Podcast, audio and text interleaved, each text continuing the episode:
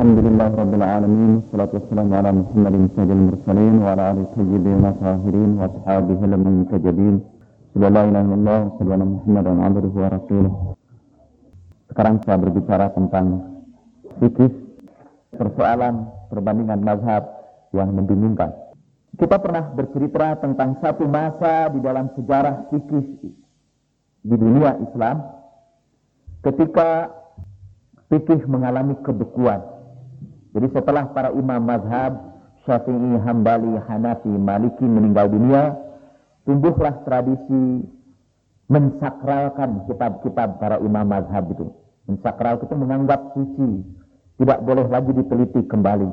Jadi pengikut mazhab Syafi'i mensakralkan faham Imam Syafi'i. Pengikut mazhab Hanafi juga begitu. Lalu pemikiran fikih berhenti pada kitab para imam mazhab.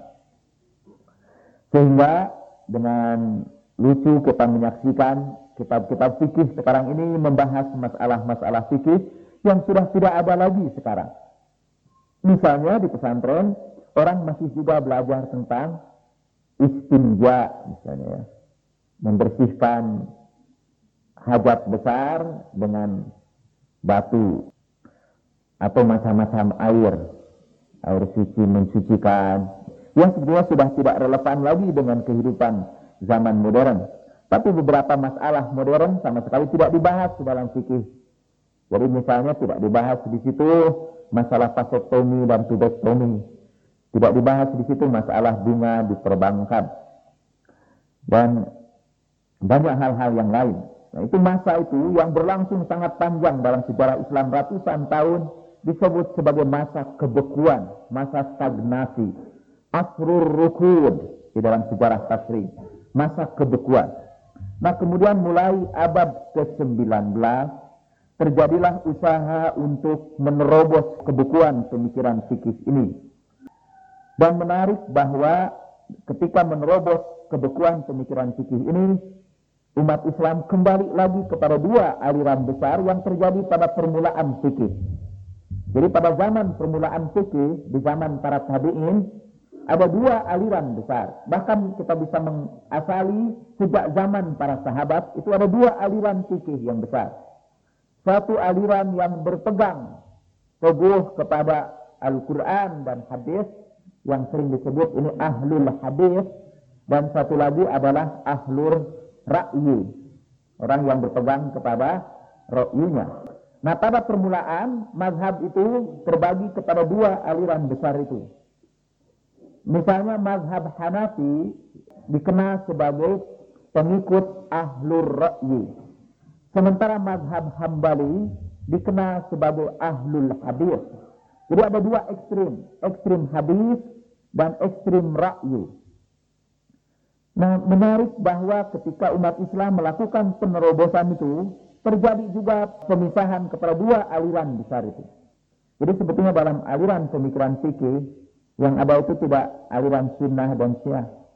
Yang ada adalah kelanjutan dari ahlul ra'yu dan ahlul hadis. Saya menyebutkan dalam pembaharuan fikih Islam di dunia modern ini paling tidak kita melihat yang mirip kedua itu. Saya sebut ahlu ra'yi sekarang ini dengan mengutip orang lain. Kita sebut aliran yang pertama itu aliran skripturalisme yaitu yang slogannya sangat keras mengatakan kembali kepada Al-Quran dan hadis dan Al-Quran dan hadis itu adalah nas, adalah teks, teks yang dijadikan dasar untuk fikih. Teks itu dalam bahasa Inggrisnya disebut scripture. Jadi Al-Quran dan hadis itu adalah scripture. Orang yang berpegang dengan ketat kepada Al-Quran dan hadis itu kita sebut scripturalisme. Jadi berpegang kepada skriptur. Ini mempunyai latar belakang seperti saya katakan pada madhab Imam Ahmad bin Hambal. Madhab Hambali. Madhab Hambali adalah madhab yang dalam usul fikihnya lebih baik berpegang kepada hadis baik daripada rakyu, daripada pendapat. Mazhab Hambali berpegang pada hadis baik kepada fatwa para sahabat dan menolak kias kecuali dalam keadaan terpaksa. Jadi fikihnya selalu merujuk pada nas-nas Al-Quran dan hadis. Karena itu tugas ahli fikih hanyalah mencari nas yang relevan. Pada Ibnu Hazm, terutama sekali pada Daud Al-Zahiri, kesetiaan kepada teks itu mencapai tingkatnya yang ekstrim. Mereka menolak takwil dan menerima hadis secara harafiah. Takwil itu artinya menggunakan rasio dalam menafsirkan teks-teks, dalam menafsirkan nas Al-Quran dan hadis itu. Daud Al-Zahiri dan Ibnu Hazm menolak takwil.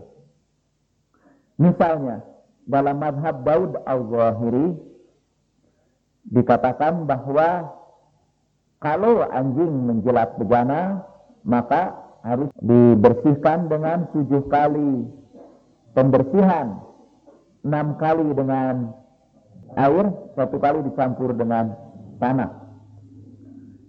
Karena habisnya menyebutkan kalau anjing menjilat bejana, maka mereka menetapkan tidak harus dilakukan cara yang sama kalau anjing menjilat tangan. Atau anjing menjilat baju atau anjing menjilat piring. Juga tidak perlu. Karena habisnya mengatakan anjing menjilat bejana. Jadi mereka berpegang teguh kepada hadis dan tidak mau menafsirkan. Lebih lanjut. Pokoknya kalau hadisnya begitu, begitulah yang harus dijalankan. Contoh yang lain ketika di zaman Rasulullah Shallallahu Alaihi Wasallam ada seorang di bulan puasa datang bercerita kepada Nabi bahwa ia baru saja bercampur dengan istrinya pada waktu siang hari. Lalu Nabi menyuruh dia untuk melakukan kafarat, yaitu memberi makan 60 orang miskin atau puasa dua bulan terus menerus atau membebaskan seorang budak belian. Pengikut mazhab Zohiriyah berpendapat bahwa yang harus membayar kifarat itu hanya laki-laki saja. Wanitanya tidak perlu. Malah wanitanya tidak batal puasanya. Mengapa? Karena habisnya pun hanya berkenaan dengan perintah Rasulullah kepada seorang laki-laki. Bukan kepada perempuan. Nah ini namanya berpegang teguh kepada teks, kepada nas. Dan ini nanti akan mempengaruhi kelompok skripturalis. Ya. Nanti di Indonesia pun ada orang-orang yang mengikuti hadis itu murni lah Al-Quran dan hadis. Mereka misalnya mengatakan bahwa yang wajib Jumat itu hanya laki-laki saja. Alasannya karena perintahnya itu kepada ya ayyuhallazina amanu idza nudiya lis-salati min jumu'ah Fas'au ila zikrillah. Dan allazina amanu, orang-orang yang beriman, itu bentuknya muzakkar. Bentuknya laki-laki. Karena kalau dalam bahasa Arab, orang-orang beriman perempuan itu Allahi amanna. Kalau orang beriman laki-laki, allazina amanu. Jadi karena perintah itu hanya untuk allazina amanu, tidak Allahi amanna, maka Jum'ah hanya khusus untuk laki-laki. Lalu kalau begitu salat pun ya ayyuhalladzina amanu aqimus salat wa atuz zakat itu hanya untuk laki-laki saja. Tidak kata mereka ada dalam Al-Qur'an perintah untuk wanita juga. Wa aqimnas salata hendaknya kamu para wanita menegakkan salat. Jadi ada itu untuk uh, wanita. Bagaimana uh, ini uh, puasa misalnya? Tidak ada itu ayyuhallazina amanu kutiba alaikum asyam. Tidak kutiba alaikum asyam. Kata mereka. Jadi saum pun itu hanya khusus untuk laki-laki. Oh tidak katanya. Ada ayat Al-Quran yang lain. Yang menyuruh wanita itu untuk puasa. Ada memang ayat yang lain.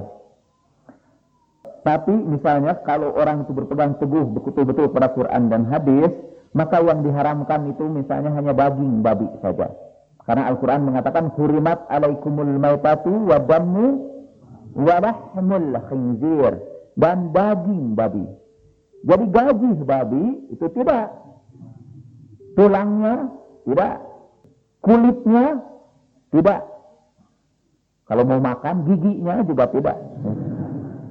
Jadi tidak diharamkan. Nah sekarang ini di dunia modern ada beberapa jenis makanan yang dicampurkan dari gaji, bukan dari daging.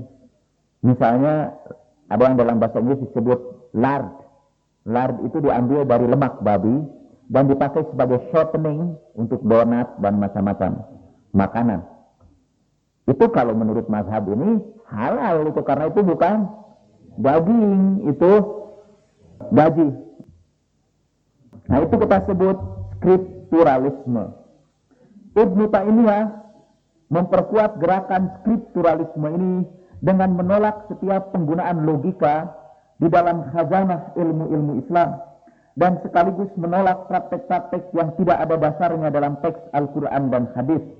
Ibnu Taimiyah misalnya mengkritik penggunaan logika. Dia menulis buku khusus judulnya Ar-Raddu 'alal Mantiqiyyin, penolakan terhadap orang-orang yang menggunakan logika. Logika tidak boleh dipakai sama sekali. Haram. Man tamantak faqad tazandak. Siapa yang menggunakan logika dia sudah menjadi zindiq. Dia sudah menjadi kafir. Nah, paham Ibnu Taimiyah ini nanti dihidupkan kembali oleh Muhammad bin Abdul Wahab lima abad kemudian di Jazirah Arab, di Arab Saudi sekarang ini. Orang sering menyebut kemudian alirannya itu Wahabi. Sebetulnya salah sebenarnya dari bahasa Arab harusnya Muhammadi. Kalau perempuan Muhammadiyah. Tetapi orang mengambil ujungnya Muhammad bin Abdul Wahab. Wahabnya diambil dari Wahabi. Nah Muhammad bin Abdul Wahab menolak segala macam hal yang tidak ditunjukkan secara spesifik, secara tegas dalam Al-Quran dan hadis, menolak juga intelektualisme, cara berpikir logis itu ditolak, filsafat diharamkan, begitu juga ilmu kalam. Bahkan bukan itu saja, mereka juga mengharamkan kehangatan kaum mistik, yang mengharamkan tasawuf. Itu kata Wilfred Cantwell Smith Nah Raja Malik bin Abdul Aziz itu mbahnya Raja Saudi sekarang ini. Ketika menyampaikan khutbahnya di Makkah pada tahun 1355 berkata, Mazhab kami mengikuti dalil bila ada. Bila tidak ada dalil dan yang ada hanya ijtihad, kami mengikuti ijtihad Ahmad bin Hambal. Mazhab Wahabi sebetulnya adalah mazhab Hambali atau neo Hambali Ismu. Paham ini yang kemudian menjadi paham resmi Arab Saudi mempengaruhi banyak aliran pembaharuan di seluruh dunia.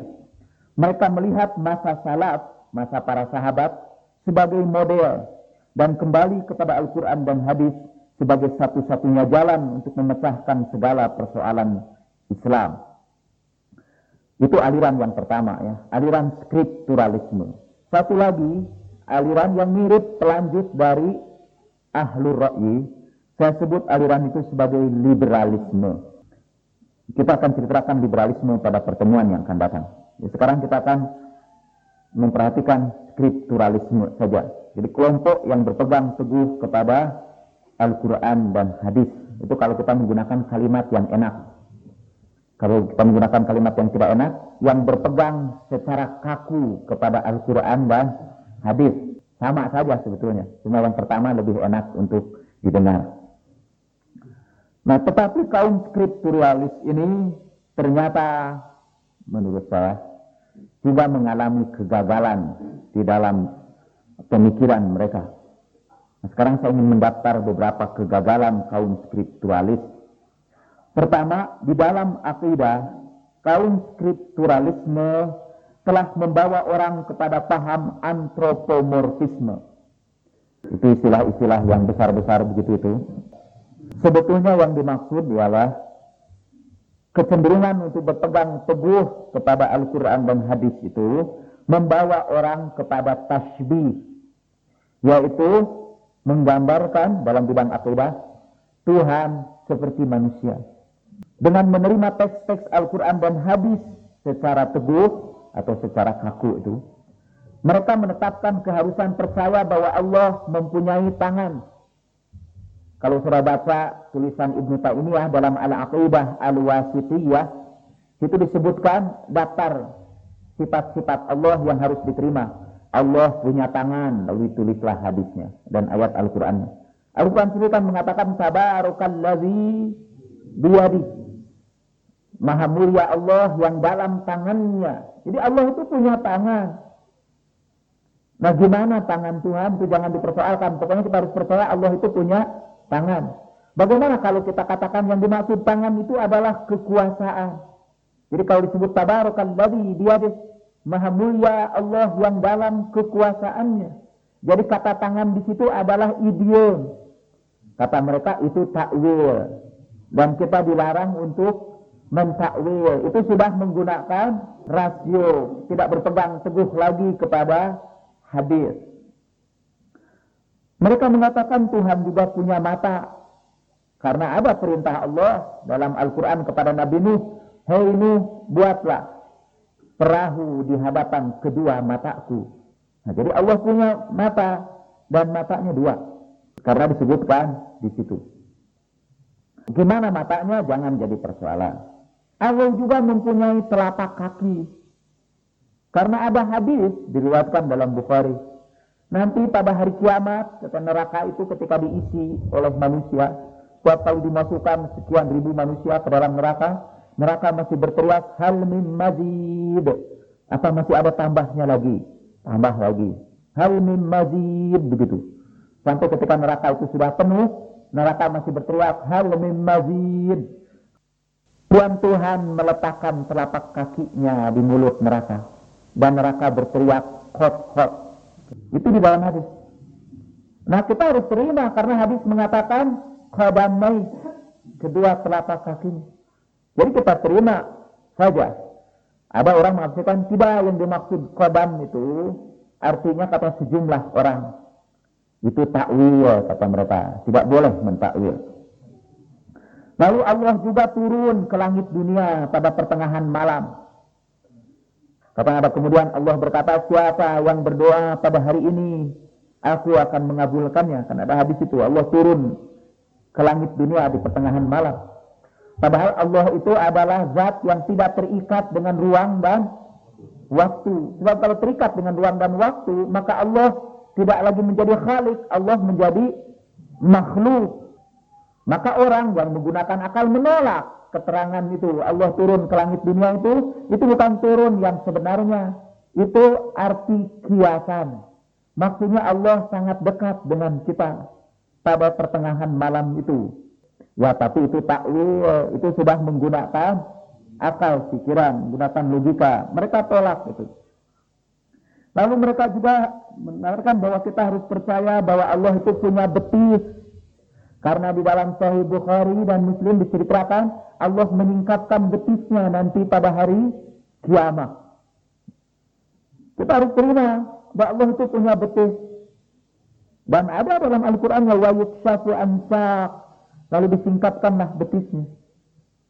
Dan kita harus terima itu betis. Jangan menafsirkan yang lain. Itu bukan ide. Itu bukannya betis. Yang tidak boleh dipersoalkan bagaimana betisnya. Itu tidak boleh. Tapi pokoknya kita terima Allah itu punya betis. Jadi jangan sampai mempersoalkan apakah betisnya cara menyingkapkannya itu sama dengan para peragawati. Apa sama dengan para peragawati? yang sedang menampilkan busana Gua Sukasa. Dan itu jangan ditanyakan, itu tidak boleh. Bahwa Allah juga tertawa, karena ada habisnya menjelaskan Allah tertawa.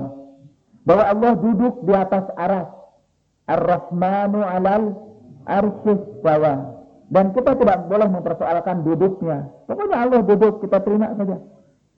Karena dalam Al-Qur'annya disebut Ar-Rahmanu alal arsyis bawah. Sampai ada cerita, wallahu alam cerita ini sahih atau baik. Itu ada seorang yang mau diangkat sebagai mantu melamar anak kepada seorang yang percaya kepada itu tadi skripturalis itu. Di Majalaya ini ceritanya. Dulu di Majalaya di Ciparai itu pusat Allah Amegeleng di Arab. Kemudian dia melamar, mertuanya tanya, Cik Arifik Ujang percaya itu Gusti Allah Amegeleng di Arab. Dia tidak tahu rupanya. Dia tidak melakukan survei lebih dahulu tentang mertuanya. Jadi langsung menolak, tidak mungkin itu.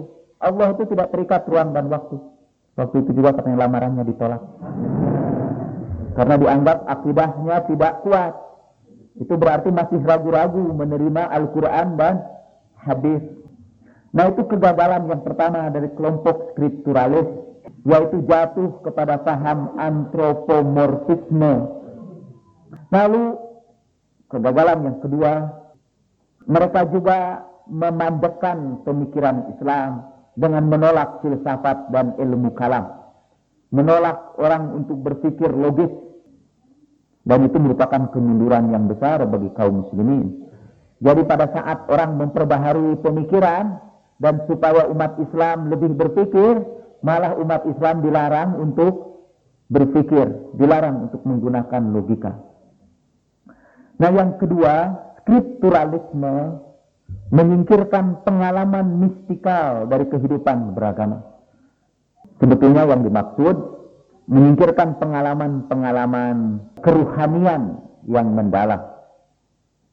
Ini kaum skripturalis ini menolak aliran-aliran tarekat zikir dan sebagainya mereka tolak.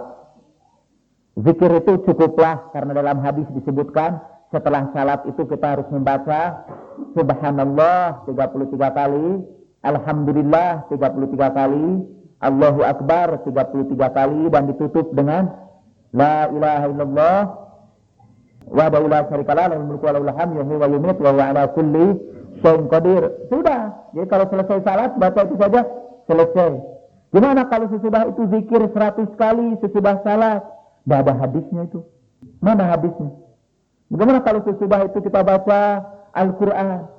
Tu'amanar Rasul bima unjila ilaihi rabbihi wal mu'minun kullu amana dan seterusnya. Itu tidak ada hadisnya. Karena sudah jelas itu Quran. Ini sudah ada Qurannya. Tapi mereka tolak karena tidak ada keterangan. Ya. Akibatnya latihan-latihan zikir riadoh istilahnya di dunia tarekat itu dianggap bid'ah oleh kaum skripturalis karena tidak punya dasar dalam Al-Quran dan hadis. Bisa ketika orang menganjurkan untuk membaca selawat muntarijah 4444 kali. Mereka mempertanyakan dua hal. Mana hadisnya yang menentukan harus membaca 4444 kali? Yang kedua, apa dalilnya? Salawat itu yang dibenarkan hanya satu, yaitu Allahumma salli ala Muhammad wa ala ali Muhammad kama sallaita ala Ibrahim wa ala ali Ibrahim. Karena itu ada dalam hadis. Itu salawat Allahumma salli salatan kamilatan wa salim salaman taman ala. Itu tidak ada dalam hadis. Karena itu itu bid'ah. Kata mereka. Doa pun itu hanya ada yang ada dalam hadis saja ya. Boleh. Jadi ketika kita membaca Allahumma rzuqna taufiq wa bu'dal maksiyah, mana itu hadisnya? Oh, tidak ada ini hadisnya, ditolak oleh mereka. Jadi mereka hanya menggunakan doa-doa yang ada di dalam Al-Quran dan hadis. Akibatnya sedikit sekali doa itu. Padahal setiap orang kalau berdoa punya keperluan masing-masing. Kan? Ada yang berdoa, Ya Allah berilah saya jodoh ya udah. Berilah saya jodoh. Kalau sampai berilah saya jodoh, ada ayatnya. Robbana hablana amin azwajina. Tapi kalau mohonnya sudah agak spesifik sesuai dengan kebutuhan kita. Ya Allah berilah saya jodoh di antara para pengikut pengajian di Al Munawwarah. Maka kita sudah jatuh kepada bid'ah karena tidak ada di dalam hadis. Mana ada contoh Rasulullah berdoa seperti itu? Allahumma rzuqni zaujatan salihah min atba'i majlisil ilmi al-munawwarah. Tidak ada doa itu. Tidak ada di dalam hadis Nabi. Karena itu mereka menolaknya. Kemudian praktek-praktek keagamaan yang tidak secara tegas ditunjukkan di dalam nas dianggap bid'ah. Jika kalau tidak ada dalam hadisnya, itu dianggap bid'ah. Selanjutnya yang disebut bid'ah adalah apa saja yang tidak merujuk kepada dalil yang telah dipilihnya. Jadi mula-mula bid'ah itu pokoknya yang tidak ada di dalam Al-Quran dan hadis. Tapi kemudian yang disebut bid'ah itu ialah yang tidak ada dalam Al-Quran dan hadis yang sudah saya pilih. Mungkin ada di dalam hadis, tetapi hadis itu tidak saya pilih hadis itu saya anggap doa. Maka karena itu, itu jadi bid'ah. Kunut pada waktu subuh, membaca zikir bersama, membaca salawat kepada Nabi Shallallahu Alaihi Wasallam bersama-sama, mengucapkan doa yang tidak maksur, maksur itu artinya ada di dalam Al-Quran dan hadis, dan di Indonesia menyelenggarakan upacara tahlilan dan marhabaan, dianggap tidak mengikuti sunnah Rasulullah Shallallahu Alaihi Wasallam. Dalam bahasa orang awam, tidak ada contohnya dari Nabi. Jadi selalu mereka mengatakan, mana ini contohnya dari Nabi. Sampai ada orang yang menetapkan bahwa memberikan ceramah sebelum salat tarawih itu bid'ah. Karena tidak ada contohnya dari Nabi. Memperingati maulid Nabi itu bid'ah. Karena Nabi tidak pernah mencontohkannya. Nabi tidak pernah memang memperingati hari lahirnya. Jadi kalau kita memperingati Maulid Nabi, memperingati Isra dan Mi'raj itu juga bid'ah karena tidak ada contohnya.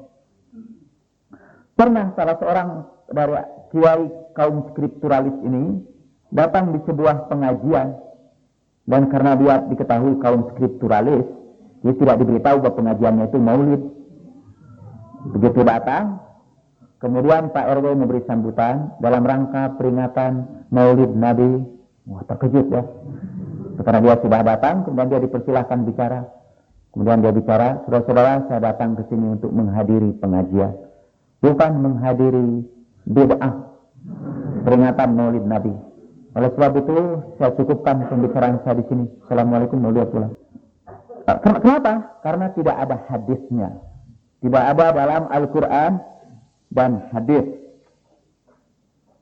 saya tidak akan menceritakan di sini bahwa sebetulnya orang-orang memperingati Maulid, memperingati Isra itu punya dalilnya juga di dalam Al-Quran dan hadis. Mereka juga punya keterangan. Hanya keterangan itu tidak dipilih oleh kaum skripturalis itu. Nah dengan cara begitu, dengan menyingkirkan mistikisme, riadoh-riadoh itu zikir-zikir, doa-doa, latihan-latihan keruhanian itu, akibatnya Orang kehilangan pengalaman beragama yang emosional. Kehilangan kenikmatan dalam menjalankan agama. Kehilangan kehangatan. Akibatnya apa? Banyak para pengikut Islam tidak lagi menikmati agama dan mencari ketentraman batin lewat aliran-aliran kebatinan. Mencari kepuasan kepercayaan pada aliran-aliran kepercayaan.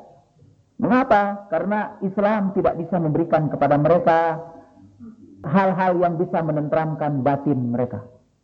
Banyak orang-orang tua misalnya setelah selesai subuh merasa setelah sampai kepada la ilaha illallah wahdahu la syarikalah ini waktu masih banyak. Mau dipakai ngobrol saya. Itu Pak Mansur pernah cerita. Pak Mansur Sirwanegara. Pak Mansur itu orang Muhammadiyah ya. Orang Muhammadiyah itu termasuk skripturalis.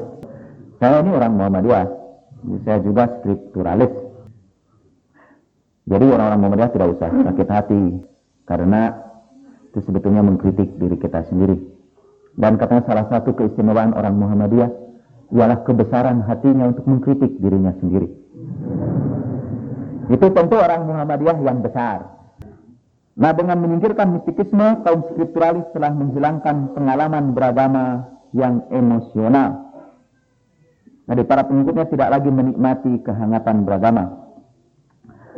Kemudian yang ketiga, skripturalisme karena menolak wacana intelektual, intelektual discourse, penggunaan akal, mudah mendorong orang ke arah fanatisme. Jadi mazhab yang lain akan dianggap menyimpang dari Al-Quran dan As-Sunnah. Apa maksudnya begini? Karena orang itu memandang agama itu sederhana saja. Pokoknya mencari dalil.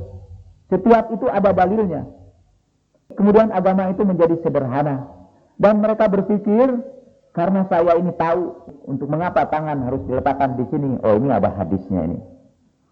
Ada hadisnya bahwa Rasulullah mengangkat tangan seluruh bahunya. Lalu kalau dia melihat ada orang mengangkat tangan seluruh telinga, itu bid'ah. Karena apa? Karena menurut dia tidak ada hadisnya. Sekali lagi menurut dia. Pada orang yang tangan seluruh telinga itu punya hadisnya juga. Nah jadi orang karena terlalu berpegang teguh kepada Al-Quran dan hadis itu, orang kemudian jatuh kepada fanatisme kelompok. Dia merasa bahwa dialah yang paling berpegang kepada Al-Quran dan hadis. Orang lain dianggap tidak berpegang kepadanya. Dalam skala makroskopis, maksudnya dalam skala yang lebih luas, paham ini melahirkan orang-orang yang wawasannya sempit tetapi merasa faqih. Karena dia sudah bisa menunjang setiap Eh, praktek-praktek keagamaan dengan hadis, maka dia menganggap dirinya sudah faqih. Pada tahap institusional, maksudnya pada tingkat kelembagaan, orang-orang awam tidak merasa lagi perlu dengan kehadiran para fukoha. Tidak perlu lagi para ulama, cukup membeli buku yang ada hadisnya. Ada buku kecil dalam bahasa Sunda, fikih, ditulis oleh Al-Ustaz Sarif Sukandi. Ada fikih dalam bahasa Sunda kecil ya. Tapi itu untuk fikih, khususnya fikih hanya ibadah saja kebanyakan. Dan untuk setiap itu ada dalilnya, ada hadisnya. Kalau orang sudah batat itu, dia sudah menjadi fakih. Tidak perlu lagi tanya kepada para ulama. Sudah ada di sini, ada hadisnya. Lalu kalau ditanyakan satu persoalan yang tidak ada hadisnya, mereka menjawab, itu jangan dipersoalkan. Hadisnya tidak ada dalam buku ini. Nah, jadi kemudian para fukoha tidak diperlukan lagi. Karena itu mereka mengatakan tidak boleh taklid. Tidak perlu taklid karena sudah cukup dengan buku kecil itu. Bukankah segala persoalan dapat diselesaikan dengan merujuk pada dalil-dalil dalam Al-Quran dan hadis? Muncullah para mujtahid yang tidak berkualifikasi. Mereka membentuk kelompok-kelompok yang memuncak pada fragmentasi umat. Jadi umat mulai pecah pada kelompok-kelompok yang lebih kecil karena setiap orang bisa muncul sebagai mujtahid. Para mahasiswa yang baru tingkat 2, tingkat 3 di IM atau di universitas yang lain kemudian pernah ikut training selama satu minggu biasanya rajin membawa Al-Quran ke mana-mana terjemah Al-Quran. Kemudian mereka mereka merasa sudah kembali kepada Al-Quran dan seluruh persoalan itu beres dengan melihat kepada Al-Quran saja tanpa menggunakan akal pikiran lagi. Karena itu kalau kita ajak diskusi, ah, diskusi itu tidak perlu. Yang perlu itu gimana kita mengamalkan Al-Quran itu. Tapi gimana kita bisa mengamalkan Al-Quran sebelum kita mendiskusikannya? Ya kita amalkanlah Al-Quran dengan membaca ayat-ayatnya saja. Tidak lupa ketika membaca ayat itu kita perlu penjelasan. Apa yang harus dilakukan? Misalnya ada ayat yang berbunyi ini, waqatiluhum haitsu saqiftumuhum dan bunuhlah orang-orang kafir itu di mana pun kamu menemukan mereka. Ah gimana ini? Apakah setelah pengajian ini kita keluar semua nanti lihat mana rumah-rumah orang kafir bunuhi semua? Apa begitu? Atau apakah ayat ini berlaku sekarang? Atau ini hanya berlaku pada zaman peperangan? Apakah ayat ini baru kita jalankan setelah orang kafir mengganggu kita? Atau walaupun orang kafir tidak mengganggu kita? Wah itu diskusi sih. Kita tidak boleh mendiskusikan Al-Quran. Yang penting ialah mengamalkan Al-Quran itu. Ya, tapi ketika harus mengamalkan itu kita harus mendiskusikannya. Nah itu kelemahan yang ketiga. Yang keempat, skripturalisme terbukti tidak dapat menjawab berbagai masalah kontemporer. Masalah-masalah terakhir sekarang ini ternyata tidak bisa dijawab hanya dengan mengutip Al-Quran dan hadis saja. Misalnya kaum skripturalis itu menolak kias. Tidak boleh ada kias.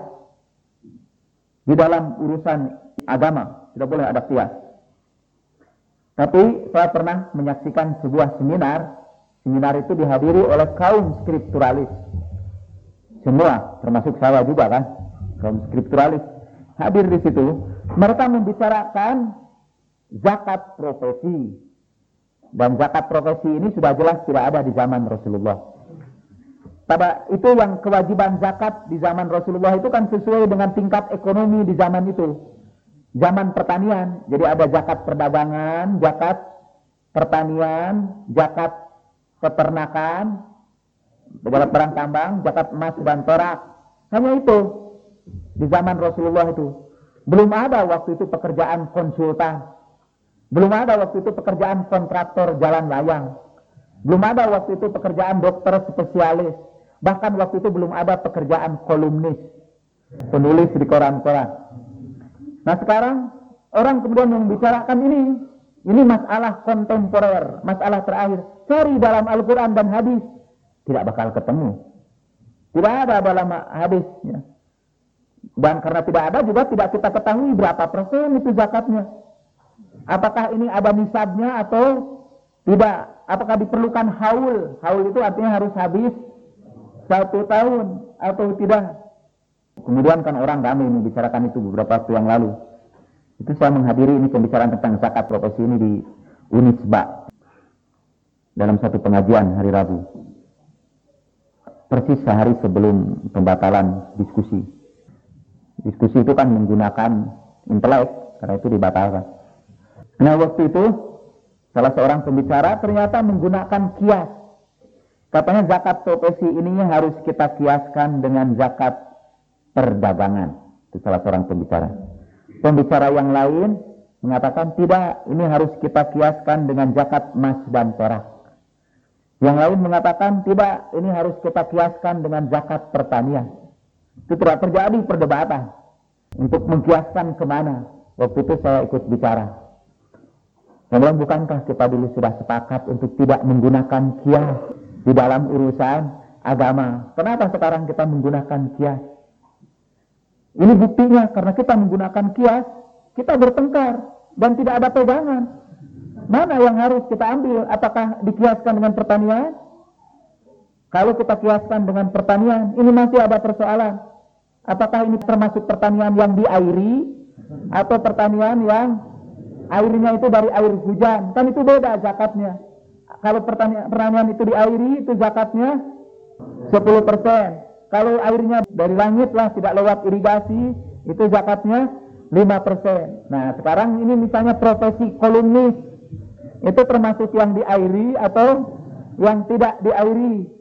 Itu terpaksa harus menggunakan kias lagi nanti. Harus menggunakan kias. Misalnya dengan mengatakan, ya kita bisa membedakan ada dua macam konglomerat misalnya. Ada konglomerat yang diairi dengan fasilitas-fasilitas tertentu yang istimewa, ada konglomerat hasil jerih payah sendiri tanpa fasilitas dari pejabat. Nah itu kalau yang kedua zakatnya itu 5%. Yang pertama itu zakatnya 10% karena numpang pada fasilitas bapak misalnya. Nah itu jadi persoalan. Ya. Nah, tetapi kemudian pertanyaan saya itu tidak dijawab oleh semuanya. Mungkin pertama pertanyaan saya itu hanya pertanyaan orang yang tidak tahu apa-apa tentang agama ya jadi kedua barangkali tidak perlu jawab. Atau kemungkinan yang paling besar memang susah juga menjawabnya. Karena pada satu segi sudah menolak kias, karena berpegang kepada skripturalisme itu, tapi ternyata menolak kias itu tidak bisa membantu memecahkan masalah-masalah modern yang mutaakhir sekarang ini. Sehingga akhirnya seperti saya katakan, skripturalisme mengalami kegagalan yang keempat. Terakhir, skripturalisme tidak dapat menyelesaikan kemuskilan-kemuskilan yang terjadi ketika melakukan istidlal dari nas-nas. Nah ini istilah ini agak abstrak dan saya ingin memberikan salah satu contoh. Biasanya kita menjadi jelas dengan contoh. Saya bacakan ini sebuah hadis dari Al-Muwatta juz kedua halaman 115 116. Ini judulnya ما جاء في الرضاعة بعد الكبر حدثني يحيى عن مليك عن ابن شهاب أنه سئل عن رضاعة الكبير فقال أخبرني عروة بن الزبير أن أبا هزيفة بن عطبة بن ربيعة وكان من أصحاب رسول الله صلى الله عليه وآله وسلم وكان قد شهد بدرا وكان تبنى سليما الذي يقال له سالم مولى أبي حذيفة كما تبنى رسول الله صلى الله عليه وآله وسلم زيد بن حارثة وأنكه أبو حذيفة سالما وهو يرى أنه ابنه أنكهه بنت أخيه فاطمة بنت الوليد بن عتبة بن ربيعة وهي يومئذ من المهاجرات الأول وهي من أفضل أيام قريش. فلما أنزل الله تعالى في كتابه في زيد بن حارثة ما أنزل فقال ادعوهم لآبائهم هو أقسط عند الله فإن لم تعلموا آباءهم فإخوانكم في الدين وموالكم. رد كل واحد من أولئك إلى أبيه فإن لم يعلم أبوه رد فإن لم يعلم أبوه رد إلى مولاه. فجاءت سهلة بن سهيل بنت سهيل وهي امرأة أبي هزيفة وهي من بني عمير بن لؤي إلى رسول الله صلى الله عليه وسلم. فقالت يا رسول الله كنا نرى سالما ولدا وكان يدخل علي وأنا فضل وليس لنا إلا بيت واحد فماذا ترى في شأنه؟ فقال له رسول الله صلى الله عليه وآله وسلم أرضعيه خمس رضعات فيحرم بلبنها وكانت تراه ابنا من الرضاعة.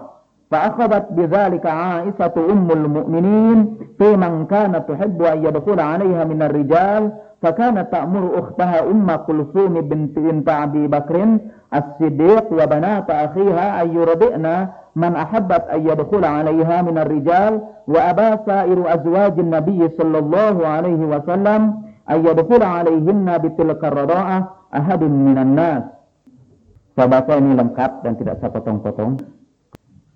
Dari Yahya bin Malik dari Ibnu Syihab, dia ditanya tentang menyusukkan menyusui orang yang sudah dewasa. Dia berkata, mengabarkan kepadaku Urwah Ibnu Zubair bahwa Aba Huzaifah Ibnu Utbah bin Rabi'ah termasuk sahabat Nabi yang ikut menyaksikan perang Badar.